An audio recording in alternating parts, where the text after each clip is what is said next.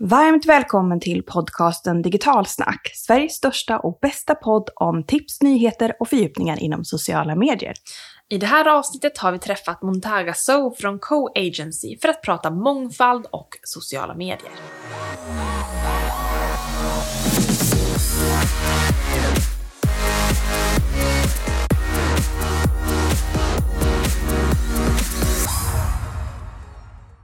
Hej och välkommen till Digitalsnack social media podd. Det här är ju podden som ger nya insikter och breddar ert perspektiv. Och i dagens avsnitt så har jag fått äran att träffa Montaga So som eh, jobbar då och är grundare av Co-Agency.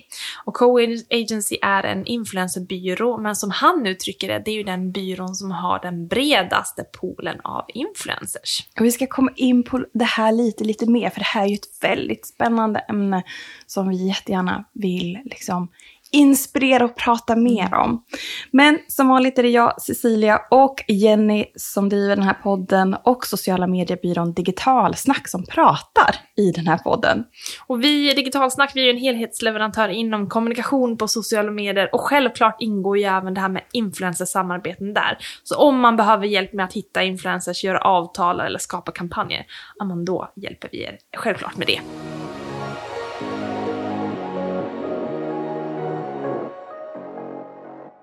Trots att jag i alla fall upplever att företag och organisationer har då blivit bättre, debatten har blivit tydligare med det här med att inkludera fler i kommunikation, generellt sett men också i sociala medier, så känns det ändå som vi inte riktigt är där. Att det blir en naturlig del i att ta fram strategier för hur man bygger kommunikation. Att de fortfarande är ganska traditionella. Man copy-pastar mm. liksom det föregående och så tänker man liksom inte utanför ramarna. Och jag tror mycket beror på att man tänker på de här sakerna, hur det påverkar företagets image, men man glömmer bort det här med att det finns faktiskt en businessfördel. Så att man kan göra stora och bra affärer genom att inkludera. Och när man driver ett företag har man ju alltid ett eh, alltså företagsfokus på det sättet att man vill lyckas. Men glömmer man bort i den här frågan så är det också svårt att fokusera på det. Mm. Och jag kan känna en frustration att det har tagit så otroligt lång tid. På min dotters förskola så firade man exempelvis Aid för första gången. Och det har jag sett på fler platser mm. bara i år att man har uppmärksammat. Och det här pratade vi om för tio år sedan, att det finns stora målgrupper i digitala kanaler som vi idag inte uppmärksammar eller tar in i vår mm. kommunikation. Och det är just det här med att men personer med en annan kulturell bakgrund, de blir ju lite bortglömda mm. på det sättet. Och just att koppla en business till kanske är en drivkraft för, för fler framöver. För det innebär ju också att om vi har en målgrupp som inte särskilt många kommunicerar till så får vi ju ja, lägre kostnader mm. i liksom konvertering och, och bättre konverteringsfrekvens. Ja, stämmer helt klart. Så det finns helt enkelt många fördelar med att ha en väldigt inkluderande innehållsstrategi. Vi har ju nämnt några här. Men jag träffade ju Montaga So för att få höra mer om vad mångfald betyder i sociala medier och hur man kan jobba med det i sin kommunikation. Så lyssna här.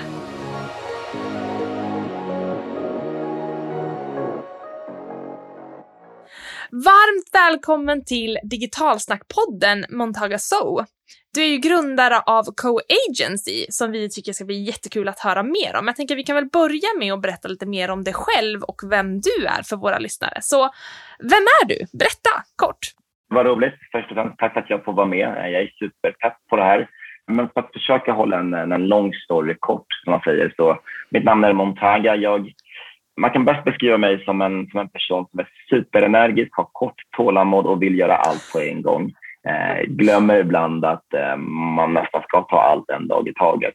Men ut, utöver de insikterna så eh, jag bosatt i Stockholm, driver en eh, byrå sedan åtta månader tillbaka. Jag har en dotter som idag fyller sju år. Så att bortsett från att jaga kunder eh, och övertyga dem om att eh, de ska jobba med oss så sitter jag och argumenterar med min dotter var och varannan dag kring eh, pannkakor på måndagar, Nutella på onsdagar och, och gud vet vad. Så det är lite vem jag är och jag älskar sport i alla dess former. Och, ja, lite stereotypiskt nästan. Att argumentera med en dotter kan väl ändå vara en så här bra övning ibland också för alla argument du eventuellt ibland behöver ta i businessvärlden också, tänker jag. Du har ju världens Ja, bra men- bollplank där hemma. Absolut, absolut. Och framförallt så här, tålamod är min akilleshäl. Det är, det är bra ibland, men det är mindre bra ibland. Och där har jag verkligen fått jobba med tålamod med, en sjuåring. Med, men att det inte aldrig går som plan på morgonen, kvällen och allt annat. Så att, jättebra läromedel för framgångsrik. Fantastiskt. Och du säger att Mm. du har drivit en byrå nu i åtta månader. Det är ju relativt nystartat. Och den här byrån heter ju. Co-Agency. Ja. Hur uppstod byrån? Nej, men byrån uppstod egentligen bara som, jag märkte det på min tidigare arbetsplats, en avsaknad av eh, influencers, kreatörer som var svenska med ett annat ursprung.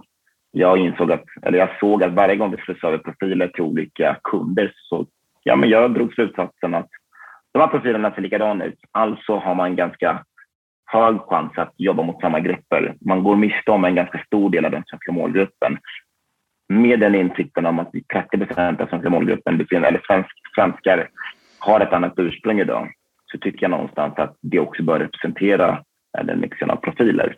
Och då startade jag byrån egentligen. Och det vi gör är att vi samlade upp typ 150 profiler i Sverige, Norden, eller Sverige, Norge, Danmark, mm, som är svenskar, födda och uppvuxna här, men skillnaden är de har ett annat ursprung. Och Mm. det kan handla om så lite som att en person med ett annat ur- ursprung ser ett varumärke som har en modell med ett annat ursprung. Det handlar ju om representation. Men också om att man ska prata målgruppens språk. Då är det ganska enkelt att jobba med profiler som gör det. Så smart. Tack. och, så det är egentligen mångfald och inkludering mycket som eran eh, byrå driver och försöker hjälpa andra företag att kunna jobba med det, antar jag. Ja. Vad betyder då egentligen för de som, som det här är relativt nytt för, eller kanske hört talas om det men inte tänkt längre än så? Alltså vad betyder mångfald och inkludering egentligen i sociala medier?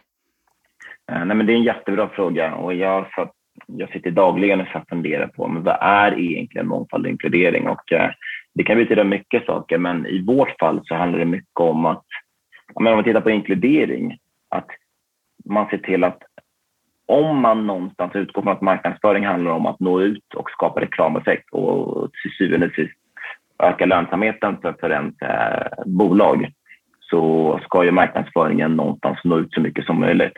Och genom att jobba med olika slags människor när man jobbar med influencers, men också att hemsidan och eh, sina sociala medier har en ganska bred pool av eh, representation, alltså människor ser annorlunda ut. Då tror jag fler och fler känner sig välkomna. Fler ser ett större sammanhang och en samhörighet. Och en samhörighet är en viktig faktor för att nå ut. Då tror jag inkludering ska spegla allt man gör egentligen. För att det är, så, det är kopplat till, till affärer. Och jag tror att det är farligt ibland att någonstans bara vifta bort mångfald och inkludering som en grej som egentligen bara handlar om politik och eh, aktivism. Nej, det ska handla om affärer och det är den, det är den kombon vi försöker eh, driva vår, vår, vår byrå med. Det här handlar om affärer. Vill ni öka er lönsamhet, vill ni nå nya kunder, ja, då behöver ni jobba lite mer inkluderat. That's it. Mm. Hur, hur bra är företag i Sverige egentligen med att eh, inkludera eh, mångfald och inkludering i sin social mediestrategi? Jag menar, du, du måste ju ha stött på ändå en del exempel. Hur, hur bra tror du Eh. att svenska företag är på detta? Jag tror att vi är på väg framåt. Och då jämför jag det bara med hur det såg ut för många, många år sedan. Jag ser varumärken och jag ser bolag som verkligen eh, jobbar för det. Tar in extern kompetens för att få bukt på sina strategier. Men jämför man oss med USA och andra områden eller andra länder så är vi, så är vi långt ifrån. Men jag tror någonstans att vi behöver ha respekt för att vi också i Sverige har en startsträcka och att de här förändringarna börjar komma nu. Jag tror att skallvågorna eller effekten av Black Lives Matter som var en så här, som många Mm. tror var en politisk rörelse har ju någonstans gett ringar på vattnet och det vi ser är att många mer tänker på men hur kan man ur ett kommersiellt perspektiv bli mer mångfaldsdrivande och jobba mer inkluderat.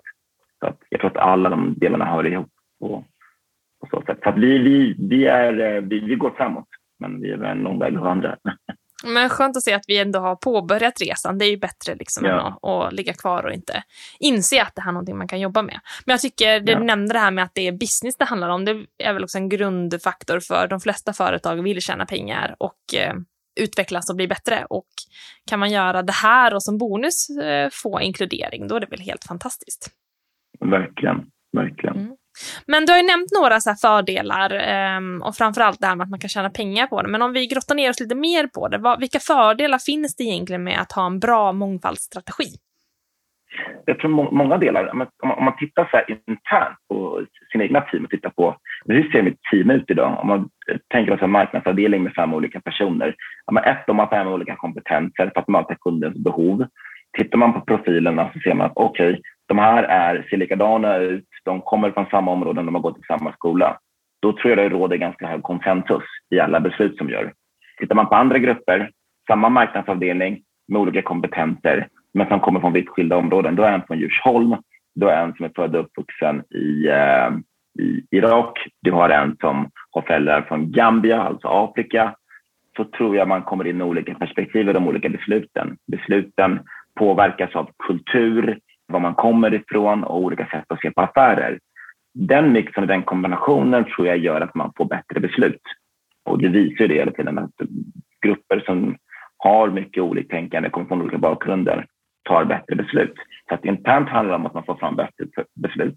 Alltså är det kopplat till affärer, men också utåt sett så handlar det någonstans om att hur uppfattas ditt varumärke av en bred massa? Om det är som så att du, ska, du bara ska kommunicera mot en viss massa, men då kanske inte det är, då är inte lika relevant för det att ha en ganska bred eh, pool av ursprung här, med personer. Men om du ändå ska nå en ganska större massa och du vill att människor till syvende och sist ska tycka om ditt varumärke, då tror jag det är viktigt att titta på hur ser personerna ut som eh, på hemsidan? Hur ser de ut på våra sociala medier? Är det en bra mix eller är det inte det? Och det är där jag tror man nästan ska titta och fråga sig själv är det viktigt för oss att eh, få fram bra beslut? Är det viktigt få fram, att få fram bättre beslut? Så, ja. Mm. Jag tänker rent konkret när du säger det här, så att vi får ibland eh, när vi coachar och hjälper företag för att eh, sätta en, en strategi, vi brukar jobba mycket med målgruppssegmentering i det också. Och ett problem som ofta uppstår är, är att eh, företagen säger att de har en så bred målgrupp, de vill nå alla. Men nu mm. när jag tänker på det i efterhand så de kanske har tänkt på alla, men när man tänker på sättet de kommunicerar så har inte det varit för alla. Nej, nej, jag håller med Utan då har de redan gjort en segmentering där, fast det kanske är lite omedvetet att man har gjort det. Ja, men verkligen. Uh, ja. det, det är så klassiskt det där med marknadsföring när man, det är alltid, alltid datadrivet och man tänker att vi ska jobba så segmenterat mot målgrupper så inser man att de man egentligen vill nå är det kanske första gångsköpen eller sällanköpen och då behöver man titta på var finns de här nya köparna som inte exponerats av ditt budskap? Ja, det kanske finns hos den här gruppen som man inte har jobbat aktivt mot. Eh, så, ja. Och det blir svårt att jobba datadrivet om man inte har testat vissa målgrupper också, för man kanske går miste om en guldkälla man inte visste att den fanns. Ja. Verkligen. Verkligen. Vilka andra risker tror du det finns då om man inte jobbar med eh, mångfald i sin kommunikation? Du har ju nämnt det här med att man kanske går miste om potentiell tillväxt. Men vad annat kan ett företag riskera om man inte tänker på det här? Nej, men jag tror att man, om man, om man tänker att kommande generation, den klassiska generation Z har det faktiskt ganska mycket om. Om man tittar på vilka värderingar har de, man, man, man ser att en stor del av generation Z, den gruppen är som enhet är de ganska värderingsdrivna. De föredrar jämställt. De vill jobba med bolag som är mångfaldsdrivna de ställer ganska höga krav på bolag. Men hur ser deras miljöstrategier ut? Hur ser, hur ser deras hållbarhetsarbete ut på riktigt? Och då tror jag att den här generationen är den som i framtiden eh, redan är konsumenter och är framtidens konsumenter och köpare av bolagstjänster. Går man miste om den här gruppen och de här, den här gruppen någonstans tycker att ett bolag inte stämmer in på alla de här kopiorna som är viktiga för dem, ja, men då förlorar man ju potentiella kunder. Och det, man har ju sett hur fort det går på sociala medier idag. Mm. Bolag som säger att de jobbar miljödrivet eller hållbarhetsdrivet men som inte alls gör det. Man kommer inte undan idag. Man gör ju inte det. Det är ganska hårt klimat och vi märker också allmänt i det som händer där ute att det finns ganska hårt sån här, eh, eh, vad ska man säga, censurklimat. Att så fort någon gör fel också så går det ganska snabbt till att man, eh, man plockas bort från gästlistan eller liknande eller uppdrag och, och sådär. Yeah. Um, det har ju både för och nackdelar med det givetvis, men att uh, det är väldigt känsligt där ute i social medievärlden. Och man kan ju råka illa ut som företag om man inte också tänker där på. Jag tror en god avsikt är uh, jätteviktigt. Ja, men jag, jag håller med dig och jag tror också att sociala medier och klimatet måste bli bättre på att förstå att i slutet av dagen är alla människor och alla människor gör fel. Vi, vi, vi är mänskliga och som du säger, så länge man har en god avsikt så är det okej okay att man inte tidigare har förstått, att man vill lära sig. Men jag, jag, jag personligen tycker att det är, ibland kan vara lite problematiskt att man kastar ut färgen ut i kylan, du är bort dig, you're out. Och varumärken måste få en chans att förbättra sig. Ja, ja det får, behöver man verkligen. Men om vi slutar fokusera på de negativa delarna och tänker på att det kanske finns företag som på något sätt jobbar med det här redan och som är extra duktiga och som andra kan inspireras av. Har du några bra exempel?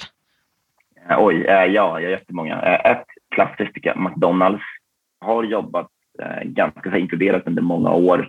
Där handlar det om att, mm, jag tror att McDonalds var ganska tidiga att någonstans inse att tittar man på den gruppen som söker de jobben hos McDonalds som kanske är de, faktiskt, som är de enda reella jobben man faktiskt kan få om man kommer, ifrån, om man kommer till Sverige som nyanländ så tror jag att de jobbat ganska, ganska inkluderat under många år med kampanjer som inte bara når ut och når in men som också påverkar.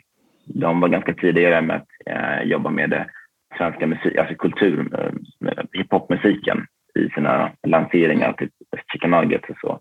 så superduktiga. Sen vill jag också lyfta kunderna vi jobbar med idag. Eh, jag tycker att vi har och ta hem en kund, Nätapoteket. Vi gjorde en kampanj med inför Ramadan där man insåg att vi spenderar ganska mycket pengar under Ramadan och det finns ganska lite förståelse för vad du behöver tillgodose dig i form av vitaminer och så som fastande. Det är en ganska snabb kampanj mot den gruppen. Så en ganska, ganska enkelt sätt för dem att eh, jobba inkluderat men också jobba så här, eh, strategiskt mot en grupp. Sen eh, jobbar vi också med Enepin som också har förstått vikten av representation som jag tycker är superduktiga i de profilerna för de har en ganska aggressiv influencer marketingstrategi. Tittar man på vilka profiler som gör jobbet jämfört med andra bolag så ser jag att här har man en ganska tydlig bred pool av eh, profiler. Så att, och sen tycker jag beautyprofiler, beautyvarumärkena börjar eh, jobba väldigt mycket med det representation. Där har vi, det är alltid på en Kicks, eh, X slash H&M Beauty. Så att förändring sker och man, jag tror att förändring sker i, i branscher där man ser att här ser vi att vi har en tydlig grupp med människor från ett annat ursprung som konsumerar våra varumärken och skönhet är ett sådant exempel. Mm många bra exempel som man kan eh, googla mm. upp och leta upp på Instagram och se hur de jobbar och kanske ta lite inspiration. Men du kanske också sitter på bra tips på hur man kan komma igång. Om det här, ja. Max har varit en tanke innan men man har inte jobbat så mycket på det men nu känner man sig lite mer peppad för att ta tag i det. Hur kommer man igång? Vart börjar man? Alltså jag tror att det lättaste är om man, eh, om, om, om man vill göra ett helt så här, ett, ett sånt arbete internt, är det bara att titta på hur ser vår arbetsplats ut? När vi får in ansökningar till våra olika tjänster, vilka personer är det som ansöker? Och det handlar ganska mycket om att hur ser en, en, en, hur ser en ansökan ut? Exkluderar man ganska många människor genom sina tjänster man har ute på LinkedIn och mm. eh, på rekryteringsbolag? Är det vissa skolor man ser att människor inte kan söka in till? Är det vissa egenskaper man ser som man som vet att okay, här kommer det komma en viss grupp eller här kommer det exkluderas en viss grupp.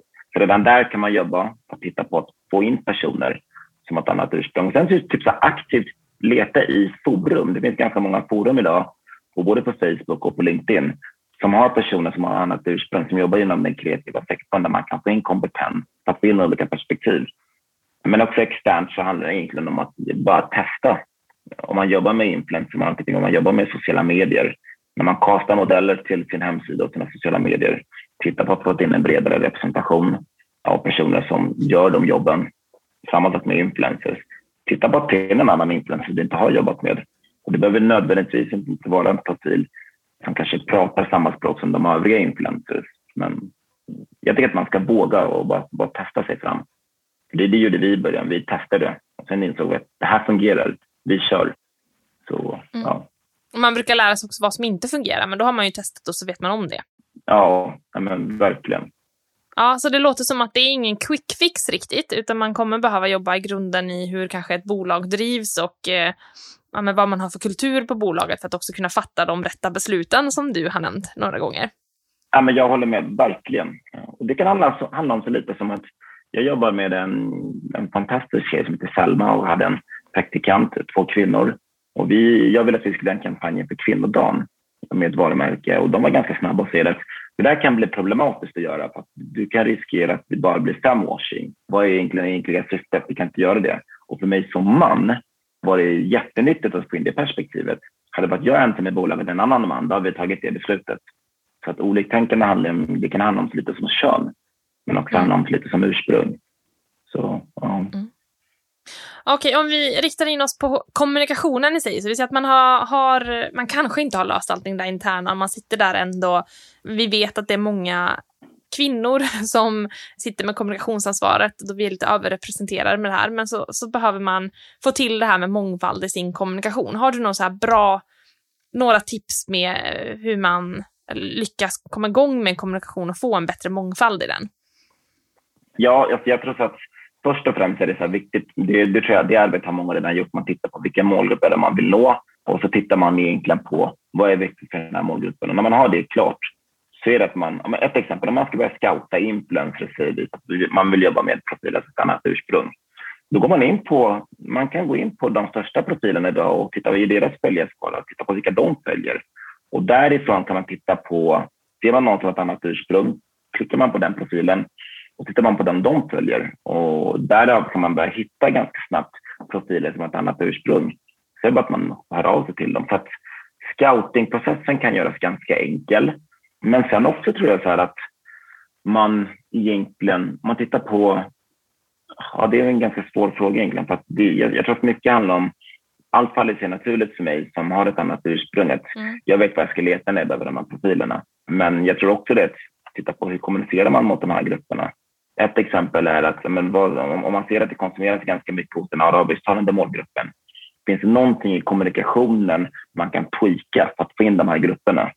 Finns det något sortiment? Ja, men nu handlar det egentligen också om att produkt, nu är vi inne på helt andra delar, det kanske inte vi ska göra, men eh, allt ifrån att vilka sortiment har man i sitt utbud? Är det någonting man behöver ta in för att finna en annan grupp? Så att jag tror först och främst så internt titta på vad man, vad man kan göra, vad man kan förändra och göra det. Men externt titta på så lite som att ta in en profil med ett annat ursprung och testa och se vilken effekt det ger. Jag tycker du gav ett jättebra scoutingtips där, hur man kan hitta dem. Ja. Gå till någon som kanske man själv tänker på, men leta bland dens följare för att se, det här är ju den här målgruppen som jag tror är dold, som vi inte når ut till. Vilka andra följer den här personen, som jag tolkar det som. Ja. Ja, eh, verkligen. Ja. Vi har ganska stora profiler som har ett annat ursprung. Det finns ju Anis Don Demina, vi har Filip Dickman som är jätteduktig, vi har Seina och Camilla Hamid. Genom att bara titta på vilka de följer så ser man att här finns ganska stor sjok av profiler. Ja. Och sen fråga dem, så här, fråga dem att men vi vill nå den arabisktalande gruppen, vad kan vi göra? Och kreatörer är superduktiga med att komma med insikter och rekommendationer på hur de bör tweaka innehållet. Oftast så ger man dem bara en, en liten brief och så, så löser de resten. Ja men fantastiskt. Så scouta rätt på några personer, våga ta hjälp av influenserna i sig, de som har ett litet annat ursprung. Och sist men inte minst kanske anpassa erbjudandet man har också så att den passar den kulturen eller den målgruppen man vill nå på ett bra sätt. Verkligen. Det sammanfattar ja. väl dina tips ganska bra tänker jag. Ja. ja. Du, Tusen tack för att du har deltagit eh, här i Digitalsnackpodden och bjudit på dina bästa tips på hur man lyckas med mångfald i sociala medier. Tack snälla, tack för att jag fick vara med där.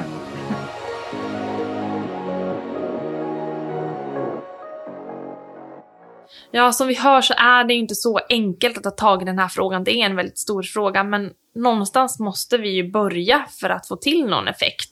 Det är ju ingen som, ja, Rom byggdes inte på en dag brukar man ju säga, och likadant är det med den här frågan också. Så det är ju upp till alla företag där att våga börja prova och det kanske inte alltid blir helt rätt från början och det är inte så enkelt den här vägen, men det finns ju fördelar att hämta, så tycker man borde våga mer jag tänker ju på den här plastskatten, att den kanske inte blev så rätt i liksom praktiken, men ändå så har det förändrat väldigt mycket hur vi ser på de här produkterna mm. och att vi har nu fått ett helt annat beteende med att ta med oss eh, andra kassar mm. eh, för liksom, eh, bättre hållbarhet. Så någonstans våga, precis som du säger, för att det kan bli fel, eller inte perfekt som start, men det kan ändå sätta igång en kedja mm. av bra saker.